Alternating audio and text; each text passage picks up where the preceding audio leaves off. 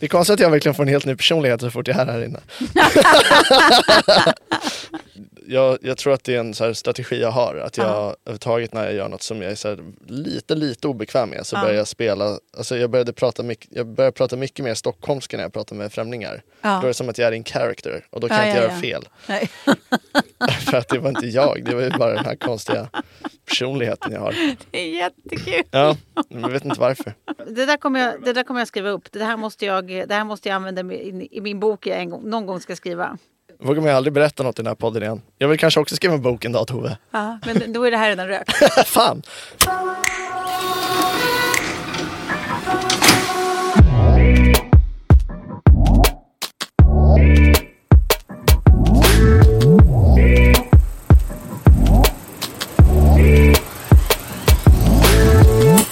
Modiga män, krigande män och män som bara vill ligga. Eller som vi brukar säga, välkommen till en tv-vecka i februari. Men vad har samurajer gemensamt med timida modedesigners och kåtbokar egentligen? Och varför i hela friden är det så mycket haute couture i rutan? Jag heter Tove Nordström. Och jag heter Andreas Hörmark och det här är TV-kollen från Svenska Dagbladet. Vi är tillbaka, hur är läget? Det är bra. Ja. Eh, modiga män, krigande män och män som bara vill ligga. Tag yourself. Ja, exakt. man, kan, man kan vara alla tre också. Ja. Ja. Men Eh, alltså, men det är bra med mig. Hur mår du? kul att du frågar. Jag tycker jag mår ganska bra faktiskt. Mm. Jag brukar må bra när vi kliver in i den här studion. Vi har ju ett kul jobb du och jag. Ja, verkligen. Ja. Eh, två goda tv-nyheter då. Ja. Är du redo för dem? Ja, upplys mig. Mm. Den första är att Netflix har släppt ny säsong av amerikanska Love is blind. Hela säsongen är inte släppt men eh, första nio avsnitten är släppta. Eh, vad skulle vi göra om vi beh- behövde gå utan en enda tv-vecka? ja. Ja. Eh, det sa jag helt utan ironi. Äntligen precis över ju. Ja, exakt så kan man känna. Eh, inte jag. Och sen så den andra då. Andra säsongen av Life of Beth finns ute nu på Disney Plus för oss som älskar Amy Schumer. Och eh, speaking of Amy Schumer, här kommer veckans såg. Ja. Hur sjukt att hon alltså nu i veckan fick lov att gå ut och officiellt bemöta all kritik och alla frågor hon har fått kring eh, kolon, formen på sitt ansikte. Hon har alltså då eh, en något rundare form på ansiktet än vi är vana att se henne med. Och det här har blivit sånt liv om så att hon får alltså gå ut och bara guys, jag äter mediciner och jag är en kvinna med hormoner, kan vi sluta snacka om mitt face nu? Är, är inte det urpinigt? Helt sjukt. Hon får väl så jävla mycket hat för, för allting. Ja, nej, det. var, det, det, jag tycker att det är eh, sörjligt. Skärpning alla. Ja, håller med. Ja. Håller med. Så, så, så det var veckans såg. Ja, men tack, tack för att du håller med ajour med vad som händer i film och tv-världen. Äsch! Eh, men från det ena till det andra då. I tv-kollen idag så blir det mod och krig i helt eh, olika kostymer får man väl säga. Men först geriatrisk kåtma? Frågetecken. Ja, exakt. För eh, förra veckan hade säsong två av SVTs realityserie Hotell Romantik premiär. ja. Ja, och serien går ut på att 24 seniorer kan man säga, eller personer över 65 reser till ett hotell i Portugal tillsammans för att hitta kärleken. ja, just det. Eh, programledare är Erik och Mackan-Erik om ni minns och eh, Kristina Keijo. Och de utsätter de här punchisarna för en massa lekar och aktiviteter för att hjälpa dem på traven. Och det är ett väldigt gulligt program tycker jag. Man, man blir väldigt glad att se det. Eh, men eh, Tove, du är ju singel. Varför, varför har inte du sökt? Det här var en sån burn så det är alldeles fruktansvärt. Jag må vara äldre än dig men jag är fan inte geriatrisk än. Ja, ja, förlåt. Det är så svårt att se skillnad när, när man är så ung. På, på alla som är lite äldre liksom. Så, eh, sorry. Men jag tänkte göra en liten lista. Det, det är dags. Eh, ja, välkommen till listan. Eh, tre spaningar om, om gamlingar. Får väl se om du känner dig träffad Tove. Titta inte på mig, titta inte på mig. Titta någon helt annanstans. Eh, men först och främst så tycker jag att manliga boomers har fått ett onödigt dåligt rykte faktiskt. Visst, männen som är med i den här serien kanske inte representerar hela sin demografiska grupp. Eh, men de är otroligt varma, vänliga, emotionellt välartikulerade. De blir rörda till tårar när de får brev av sina familjer och Åh. vänner. De är urbra på ömhetsbetygelser och ger komplimanger, visar uppskattning för de här kvinnorna och sådär. En man blir så tagen av en kvinna att han nästan börjar gråta. Och så säger han så, det får killar också göra. Nej, men Och det har han helt rätt i. hjärtat. Ja, så att heja 40 och 50-talisterna säger jag. Jag har ju varit oväntat och otippat eh, gubbtillvänd alltid. Ja, jag med. Det är undantaget för mitt övriga, min övriga manskepsis. Ja, Okej, ja. Men, men gubbar har jag alltid haft ett ömmande hjärta för. Och de här bara cementerar det. jag förstår. Jag däremot hänger löst med andra ord. Det, det, Du, du har hängt löst sedan början av just det här avsnittet. jag förstår. Ja. Ja. Ja, men punkt två då. Eh, nu går jag emot mig själv lite, men man kan ju faktiskt ha två saker i huvudet samtidigt. Eh, Amen. Tove. Det, det, det är inte bara ungdomar som är ytliga. Nej. Eh, vi kan lyssna på hur det låter när den 85-åriga Kerstin recenserar en mans eh, utseende här. Jag tyckte han var tuff. Mössan tyckte jag om, men det var inte hundra. Tyvärr. Mm. Lite mage och sådär. Vet jag. jag vill ha lite pojkaktigt. Jag, jag, jag har alltid tyckt att oron för appväldet i datingvärlden är ganska fånigt. Den här tron på att det är Tinder som gjort att vi avfärdar varandra baserat på utseenden snarare än personligheten. Och de här gamlingarna visar att eh, de kan vara precis lika utseendefixerade som vi andra. Som andra. Eh, framförallt kvinnorna helt ärligt. Eh, en kvinna är väldigt osäker på en man för att han har några tatueringar. Men det är ju också underbart. Varför ska de behöva nöja sig och, och bara acceptera någon som de inte är attraherade av bara för att de har kommit upp i åldrarna lite? Punkt tre då, de är betydligt mer sexuellt frigjorda och frispråkiga än människor i, alla fall i min omgivning. Eh, en man har tagit med sig vad han kallar kåtpiller. eh, en kvinna berättar att hon längtar efter att duscha tillsammans med en man så att de kan tvåla in varandra. Ja. Eh, en bisexuell man berättar att han är bisexuell då, obviously, och, och eh, tycker att det är sexigt med muskulösa män. Jaha. De slänger sig lätt och ledigt med, med det oerhört förbjudna ordet knulla. Ja, överlag väldigt skamlöst kåta, det är härligt befriande som för mig då som är en ganska uptight person med Catholic guilt och så vidare. Ja. Nej, då, då känner jag mig närmre den här generationen. Jag kanske är gammal då. Ja. Ja.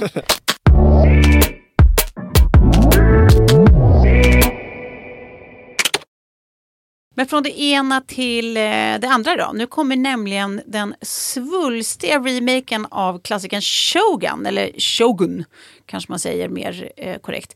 Eh, det här gjordes ju senast 1980 This is Shogun, the staggering saga of feudal Japan. The story of ruling warlords battling for ultimate supremacy. eh, då med Richard Chamberlain i huvudrollen. Minns du honom? Eller är du, sån, är, du, är du en liten bebis? Ja. Nej, jag minns faktiskt inte honom. Nej. Ja, Det är ju... Det Eh, var ett klar- vackert namn.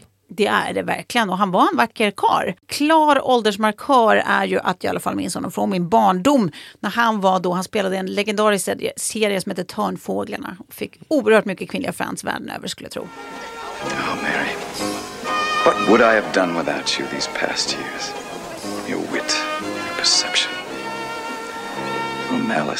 Hur som helst, över 40 år senare har man alltså dammat av då den här James Clavell-romanen som det från början var. Eh, ytterligare en gång och den handlar om en eh, brittisk sjöman som landar mitt i något slags högpolitiskt maktspel i ett eh, 1600-talets Japan. Eh, och där försöker han ju då eh, navigera eh, både den här kulturen som för honom helt främmande eh, och då alla de här eh, möjliga och omöjliga allianserna eh, i hans eh, eh, närhet och inte minst då kanske hans egna livsåskådningar liksom, får anledning att ifrågasätta och omvärdera. Um, och den här nya Shogun, som, det kanske man ska säga i och för sig vad Shogun eh, är för någonting. Det är en beteckning då på en eh, typ som en fältherres fältherre, alltså den högsta militära ledaren under kejsaren typ. Och i frin, frinvaro, som det numera heter, i frånvaron av en kejsare eh, så är ju då the Shogun eh, eh, den, eh, vad ska man säga, the top dog. Och eh, det jag skulle säga om den här nya då, den har, den, den har mottagits väldigt väl av de eh, kritiker som hittills har fått se den. Och det kan jag eh, absolut förstå. Den är otroligt snygg, en väldigt maffig. Eh, det är lite som en, en Game of Thrones-nerv man eventuellt har då som, som liksom blir kliad av det här eh, otroliga sceneriet.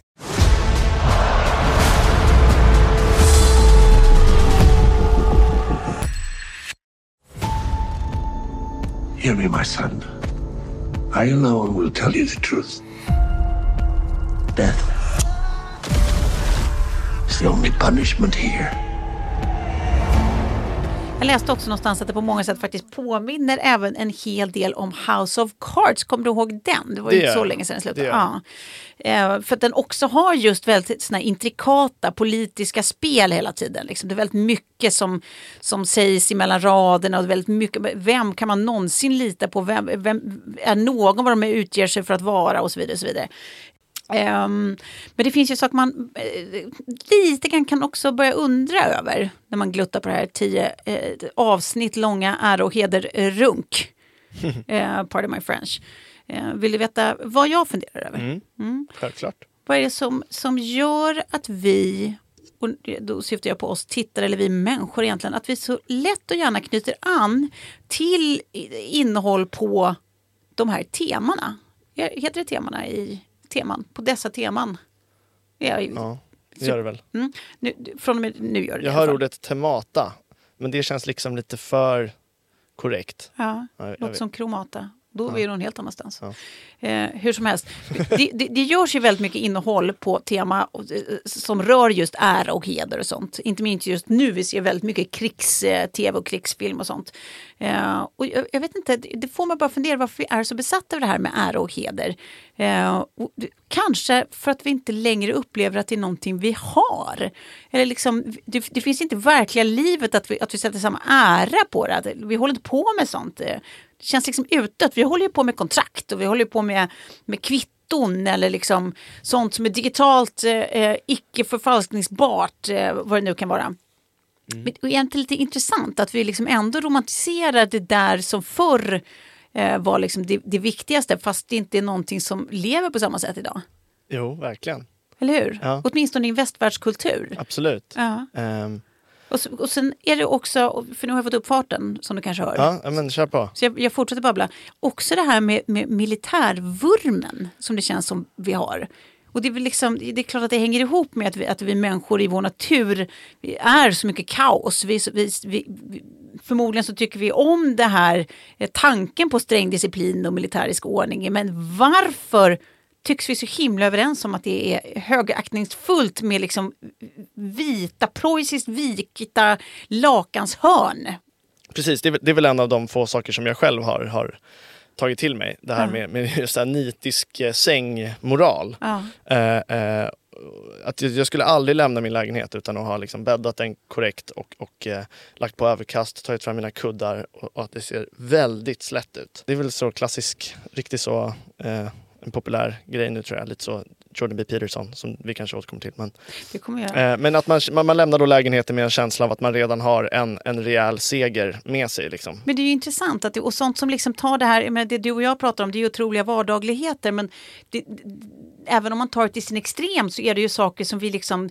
vi tycker att det är spännande, vi fascineras av det, vi tycker att det finns något fint i det, liksom, det är något vi ändå högaktar på något vis. Jag har tagit sån här eh, österländsk filosofi och liksom såna gamla kung fu-filmer och överhuvudtaget är ju väldigt populära även i, i modern kultur. Liksom. Eh, och det finns ju många som har tagit till sig av de där gamla värderingarna. och sådär. Wu-Tang Clan älskar ju, de liknar ju sig jämt vid en trupp samurajer eller sådär och kampsportsutövare och har många skivor som bygger på typ Shogun. Och, och de pratar ju också mycket om just såna här eh, eh, hålla varandra om ryggen och ära och, och liksom eh, Ja. eh, det är ju en, en viktig del i, i så hiphopkulturen också på Just det, de, de här grundbegreppen med, med just... Eh, Men för det är det där, alltså det är någonting med det här, jag vill säga asketiska livet, men det är ju inte bara att det är liksom asketiskt, det är, det, är, det är strängt på ett annat sätt som de här samurajerna ska leva. Alltså att de ska vara helt drivna av saker som lojalitet, ära, alltså lite det du är inne på. Precis. Lojalitet, ära och heder och the greater good och så vidare. Det- vill säga inget som helst ego, inga känslor, inget av, av eh, allt det där som egentligen är det som gör oss till människor. Det är märkligt att vi tycker att det är så fint att lyckas med att, att inte vara Varför är det fint att inte vara känslodriven? Liksom? My right arm, I have a tattoo of Miyamoto Musashi. Once you understand the way broadly, you can see it in all things. Det fanns ju en samuraj då på 1500-talet, Miyamoto Musashi. Eh, han skrev en lista över 15 livsregler för att bli lycklig. Så det är ju typ lite den tidens Jordan B. Peterson. Eh, men jag kan dra några exempel på hur de kunde låta. Nu kommer det här på engelska. Eh, typ då. Eh, Drop the obsession to gain pleasure. Att vi- vi ska sluta tro att vi ska få uppleva liksom lust och, och välmående liksom hela tiden. Um, don't rely on impulse. Um, don't be infatuated with yourself. Don't let lust rule your life. Alltså vi, återigen, vi ska liksom inte låta oss styras av de här mänskliga instinkterna. Uh, by all means protect your honor. Alltså du vet, det, det, du, du hör tonaliteten och liksom vilken, vilken spår vi är inne på. Det roliga är att den här listan dyker fortfarande upp titt som tätt som någon slags facit, en slags checklista. Att det är så här, kolla, alltså redan för 500 år sedan hade de knäckt koden. Men, men det som beskrivs det är ju i princip en AI. Alltså det är bara fullständig rationalitet, alltså självbehärskning. Och någonstans här, är det inte det som vore det allra mest rimliga att man att man går tvärtom, att man sök, söker just lust och lycka. Men funny thing också, eh, om jag, om jag fortsätter min rant, eh, just Jordan B. Peterson har tydligt inspirerats av den här Musashi. En av hans grejer är att vi inte ska jaga lycka eller förvänta oss den, utan man ska bara tacksamt ta emot den, eh, bara ja, när och om den kommer. Men det är ju inövertaget med jag tänker på han Marcus Aurelius, en gammal romersk kejsare som Ja, var så stoiker och jag vet att väldigt många killar har en, det kommer en nyutgåva av hans så, eh, tankar och, och sådana citat. Och Ja. Det, det är liksom, bokbandet är en spegel Ja, så, så man ska liksom sitta då och känna att det, det handlar om mig. Va? just det. Men, men eh, han har också sådana där gamla sätt och de är ju typ 2000 år gamla. Så. Du- har makt över ditt sinne, inte yttre händelser. Inse detta och du kommer att finna styrka. Eller lyckan i ditt liv beror på kvaliteten på dina tankar. Och visst, det stämmer väl, men det är också väldigt lätt att säga om man är en romersk kejsare. Då har man inte så många materiella problem. Då kan man sitta och bara så känna, ah, nu det ska vara fint att leva i, jag ska, jag ska leva lite ödmjukt och jag ska inte bada i ett överflöd och så vidare. Det, Mm. det är inte yttre saker som gör mig glad. Men om man har alla yttre saker helt liksom going for you så, så är det väldigt lätt att tänka. Ja, men också alltså en liten brandfackla eventuellt, men är det inte så himla manligt betingat de här dumheterna. Alltså, tjejer håller ju också på med affirmationer på något vis, men då är det ofta så här, du duger som du är. Du är en god människa, du är vacker. Precis. Alltså det är liksom sådana små snälla saker liksom, inte typ så här, du är, du är kung över ditt eget liv, Eh, makten är din och härligheten idag. Okej, nu blev det eh, gudsfruktigt, men du fattar vad jag menar. Jag fattar. Killar känns som vi, de överskattar den här stoicismen och hela den här militärgrejen på ett alldeles eget sätt. Gud ja, Eller hur? absolut. Säger hon som, som har bingeat tio timmar Ja, eh, men, ja. krigs-tv. Men det är väl killarnas star signs liksom. Ja, det måste vara det.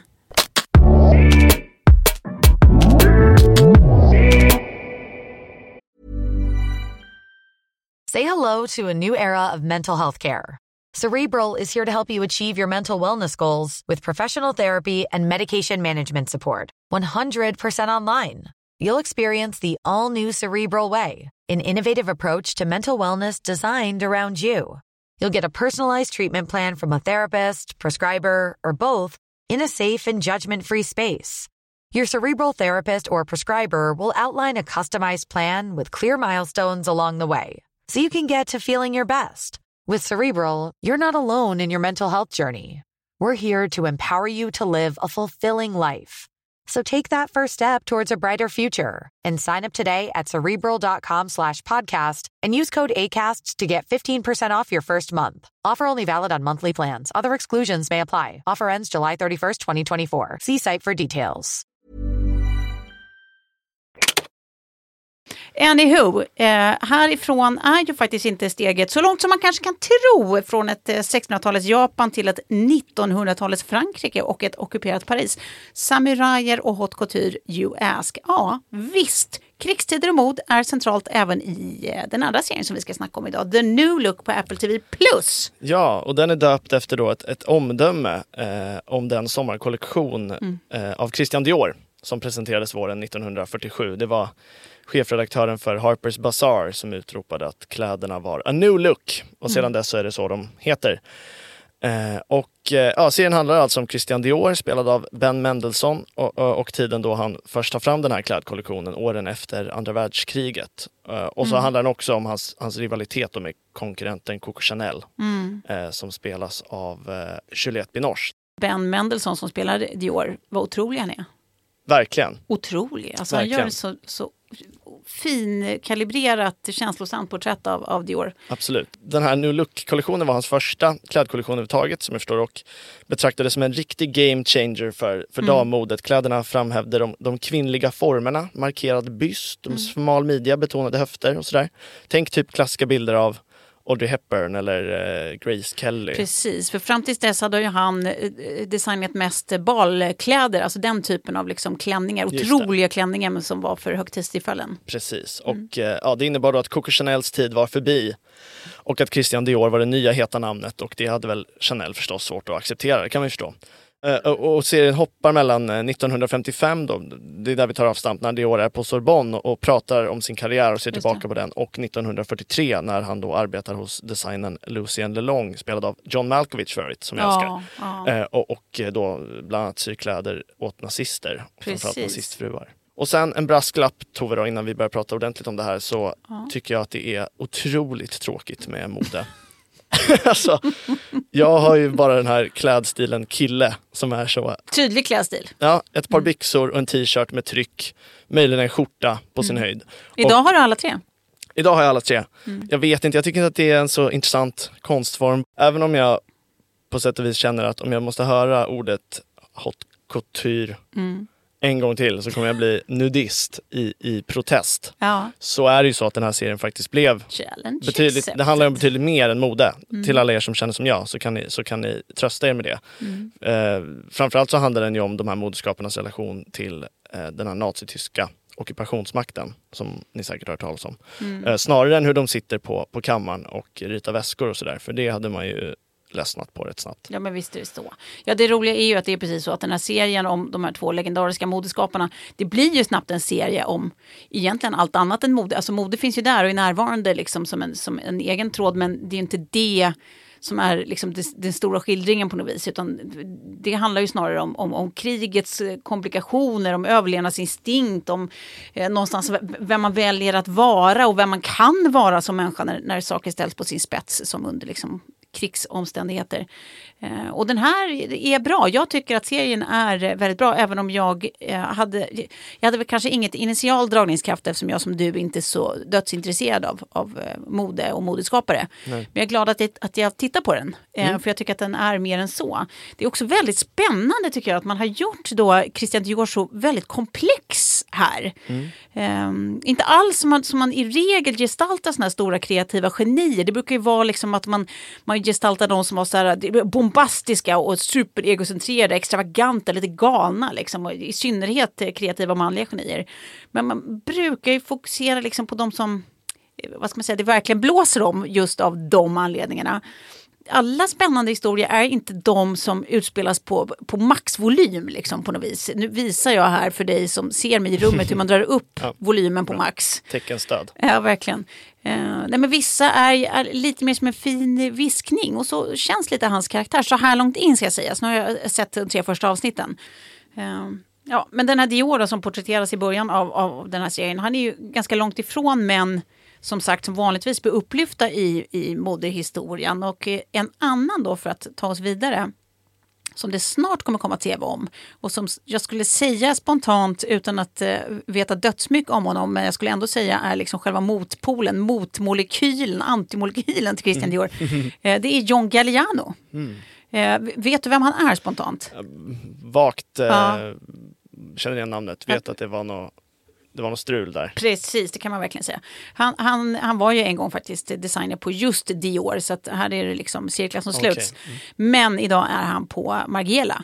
Eh, och i hans fall så är det ju egentligen inte heller hans verk som, som eh, utgör det intressanta tycker jag. Det är ju det faktum att det som fick honom avskedad från Dior, och det är det här du var inne på, var att han satt svinfull på en restaurang och skrek antisemitiska saker till ett sällskap kvinnor. Och det här fångades ju på film eh, till hans stora förtret. Men det det kostade honom var egentligen bara ett par år i kylan eh, eh, efter då han fick eh, fick gå från Dior. Eh, och sen så välkomnades, välkomnades han alltså tillbaka in i värmen av Maison Margiela. Och varför då kan man undra.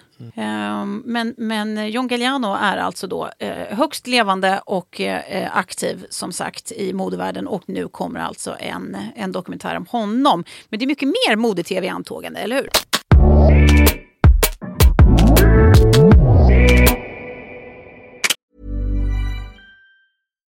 Botox Cosmetic, out of botulinum toxin A, FDA approved for over 20 years. So, talk to your specialist to see if Botox Cosmetic is right for you. For full prescribing information, including boxed warning, visit BotoxCosmetic.com or call 877-351-0300. Remember to ask for Botox Cosmetic by name. To see for yourself and learn more, visit BotoxCosmetic.com. That's BotoxCosmetic.com. Modet är väl lite på modet, om du ursäktar. Men, men ja, i januari så, så um, kom en serie om eh, Cristobal Balenciaga. Just Som för övrigt också medverkar i The New Look. Eh, Precis, han det- var ju kollega till Christian Dior eh, på, på det här modehuset de jobbade på under Precis. ockupationen. Och den kommer på Disney Plus och den, den skildrar hans liv och gärning och sådär. Och hur Mm. han startade då märket Balenciaga. Cardi B's favoritmärke bland många andra. Jag tror att det är väldigt hett i hiphopvärlden. Eller vad? Har du koll? Ja, är, alltså- är det stort nu? Det är ju vad Svenska Akademin skulle kalla het skit på en pinne. Ja, okej. Ja, Mm. ja, men då så. Det var det jag kände. Eh, och och eh, senare ska även Disney Plus släppa serien eh, Kaiser Karl som, som handlar om Chanels chefsdesigner Karl Lagerfeld. Ja, Och sen, för, vet inte exakt när han kom, men det var ju ganska nyligen den här eh, House of Gucci kom också med Adam. Driver i huvudrollen. Det, det har varit mycket sådär. Och, ehm, och då kommer ju ställa sig frågan varför eh, är det så mycket nya produktioner? Varför Mm. kommer så mycket mode-tv nu och varför är det så intressant? Och jag menar, svaret är, jag har ingen aning. Men, men jag kommer ändå göra det jag är ju bäst och fritt spekulera. shoot. Och kanske är det helt enkelt att det är någonstans här eh, det glättigaste vi kan tänka oss i de här tiderna av eh, svårmod och oro. Eh, s- om det är så man får beskriva våra tider, det är det väl. Alltså världen brinner men kolla fina klänningar. Ja, rimligt. Eh, alltså på riktigt, jag, jag tycker det är rimligt eftersom jag till skillnad från Jordan B. Peterson, samurajer och män i allmänhet tycker att människan får vara både klen och verklighetsflyende Precis. också. Å andra sidan så The New Look är ju mycket så nazi-tema. Det är ju inte så himla, eh, så himla gulligt. Men jag läste i The Guardian som intervjuade en modevetare med namn eh, Helen Warner som menar att mode skildrats på tv och film under ekonomiskt skakiga tider. Just det, okej. Eh, bland annat lyfter hon filmerna Mannequin och, och Stolen Holiday Mm. som, som båda kom 1937 under den stora depressionen alltså. Och, Mm. och, och hon menar att den sortens filmer erbjöd möjligheter för modehusen att, att synas i sådana filmer för att boosta ekonomin. Näst, nästan lite som Mm. reklam. Och nu befinner vi oss också i skakiga tider som du var inne på. Eh, både ekonomiskt men också ur klimatsynpunkt. Ja, visst, och, och eftersom verkligen. eh, modeindustrin står för en så stor del av de här utsläppen eh, menar denne Helen Warner att, att en möjlighet är att modehusen gärna vill skildras på film för att rikta uppmärksamhet mot något annat än utsläppen och på så vis skapa en ny image. Mm, liksom, att man ska mm. förknippa dem med något annat än, än klimatet och sådär. Ja, eller så har de helt enkelt uppnått vad Andres Lokko i en SvD-krönika om sitt gamla Killinggäng kallar monumentåldern. Det vill säga en ålder eller en, en tid då man slutar vara en, en riktig person och snarare att likna vid någon slags monument. Så det är Eh, det du var inne på när du kallar mig gammal. Precis, monumentet Tove Nordström. Mm. Också att den här friheten och rymden som det här modet ska representera kommer från en, en produktionsvärld som är så sinnessjukt sträng och hierarkisk. Alltså Mm. inte helt olik eh, militären. Nej. För att fortsätta att sätta ihop cirklar. Ehm, och vad det verkar, fylld av massa ångest och fittiga beteenden. Ehm, ja, så att jag menar egentligen allt som känns motsägelsefullt eller om man vill kalla det dynamiskt, det kittlar ju. Mm. jag kommer säkert gå, glo på flera av de här som, som kommer också. Ja, det tycker jag. Men nu kastar vi oss in i dagens sista programpunkt. Den kallar vi Binge eller blä. Varsågod Andreas. Yes.